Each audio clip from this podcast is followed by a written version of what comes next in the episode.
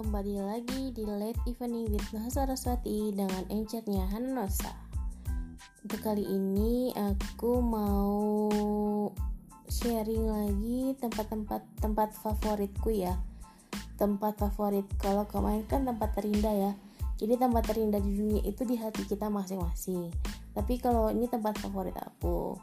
Tempat favorit aku yaitu di kamar tidurku karena aku bisa istirahat bisa scrolling scrolling scrolling scrolling scrolling scrolling handphone main gadget atau cuman untuk istirahat. Uh, ya istirahat aja sih pokoknya aku favoritku tuh kamar tidurku. Terus uh, di tempat favorit aku lagi yaitu di uh, apotek.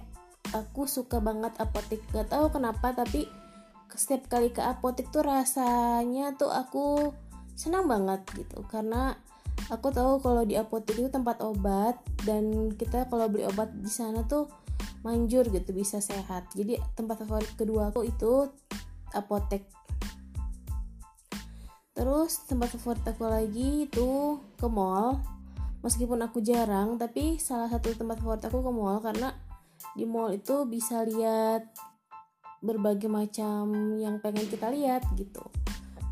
Window shopping doang nggak apa-apa sih. Tapi ya gitu maksudnya window shopping doang nggak usah beli. Ya kalau beli juga nggak masalah kalau kita suka. Tapi sekarang kan musim musim covid dan covid udah mulai naik lagi kan. Tadi aku lihat berita aja per tanggal 15 Juni ini udah 1200 ya naik lagi. Mudah-mudahan cepat turun lagi lah karena mau sampai kapan kita covid covid terus gitu. Padahal kita kan udah di, sampai udah booster. Nah nanti kalau misalnya covidnya naik lagi bisa bisa jadi kita tambah booster kedua kan? Udah booster pertama booster kedua. Vaksin pertama vaksin kedua booster ke satu booster kedua gitu. Pokoknya ya mudah-mudahan kita sehat-sehat semua sampai nanti waktunya kita dipanggil sama yang maha kuasa ya. Karena melihat kasusnya kemarin aku mau bahas nih yang kemarin-kemarin. Jadi kemarin itu ada uh, musibah bagi Bapak Ridwan Kamil yaitu Gubernur Jawa Barat yang telah kehilangan uh, putra satu-satunya Kang Eril ya uh, putranya yang uh, kena musibah hanyut di Sungai Are di Swiss. Uh, itu merupakan apa ya suatu uh, ya suatu hal yang di luar kuasa kita karena kita nggak tahu hal tersebut bisa terjadi. Memang bisa dicegah cegah caranya ya tidak tidak meloncat ke sungai. Mau arus deras atau nggak ada terus kadang kita nggak tahu ya alam itu seperti apa. Jadi kita ke mana pun kita pergi kita harus selalu berhati-hati jangan sampai kita mengulang kembali. Mungkin itu keputusan yang cukup salah yang fatal. Tapi uh, Tuhan berkehendak lain. Mungkin uh, Tuhan memang rindu sama Kang Eril untuk segera pulang ke uh, Ramatullah ya gitu. Jadi mungkin maaf ya aku potong dulu uh, apa uh, berita tadi tentang tempat-tempat yang aku sukain jadi ya Kang Eril ini merupakan satu sosok anak muda yang lahir mungkin lahirnya di kemarin kalau nggak di Amerika dan meninggalnya pun di luar negeri juga. Ya mungkin tapi dia mempunyai darah Indonesia uh, Jawa Barat khususnya. Jadi anaknya Kang Eril Kang Emil maksudnya. Jadi uh, beliau sudah berusia lah kelahiran tahun berapa ya? Kelahiran tahun 99 kalau nggak salah. Nah ya mungkin kalau menurut saya pribadi beliau sudah melakukan yang terbaik selama hidupnya. Sudah menjadi anak yang membanggakan karena relatif mungkin gak pernah punya masalah selama hidupnya. Gak ada masalah di uh, sekolah maupun di kuliah. Sampai akhirnya dia mau mengambil jurusan S2 di luar negeri pun beliau tidak melakukan suatu kesalahan gitu. Tapi yang perlu di patut ditiru itu semangatnya Kang Eril ya dalam kalau aku nggak kenal sebenarnya.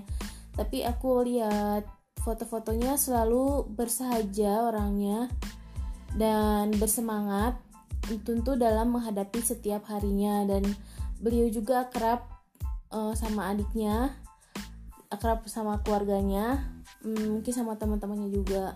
Ya mungkin ya yang bisa aku bayangin dulu pas uh, beliau kan sempat dua minggu dicari ya karena uh, hanyut. Dan buat aku pribadi aku sempat mikir gini mungkin dia selamat gitu. Jadi dia uh, kena maksudnya di di situ ada hutan gitu dia selamat di hutan bisa diem dulu makan apa aja. Tadinya aku mikir seperti itu tapi Tuhan berkendak lain ya sampai akhirnya ketemu jasadnya.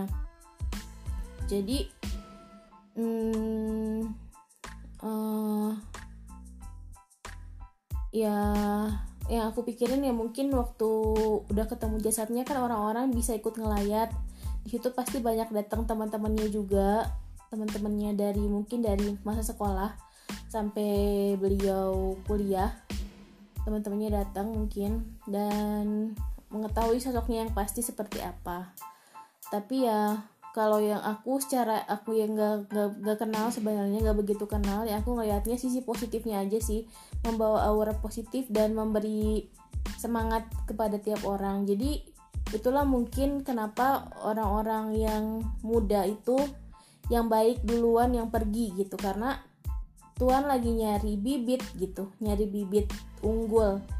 Nyari bibit unggul bener-bener diambil bibit-bibit yang unggul yang untuk ditanam lagi suka supaya menjadi pohon yang baik gitu. Jadi kalau buat aku sisi positifnya seperti itu. Tuhan mungkin sangat sayang gitu karena dia pengen ketemu pengen ngobrol. Jadi kalau aku pikirin karena nggak Engeril udah ngobrol sama Tuhan gitu uh, tentang kehidupannya. Mungkin dia ngerasa sedih ninggalin kedua orang tuanya keluarganya orang-orang yang dia cintai gitu tapi ya tetap aja kita harus tabah dan meng mengambil uh, apa mengambil pelajaran supaya tidak terulang lagi untuk terjun ke sungai pastinya dan juga mengambil semangatnya beliau yang dia bawa setiap saat sehingga kita ikut tercerahkan dan ikut semangat menjalani hari-hari ini.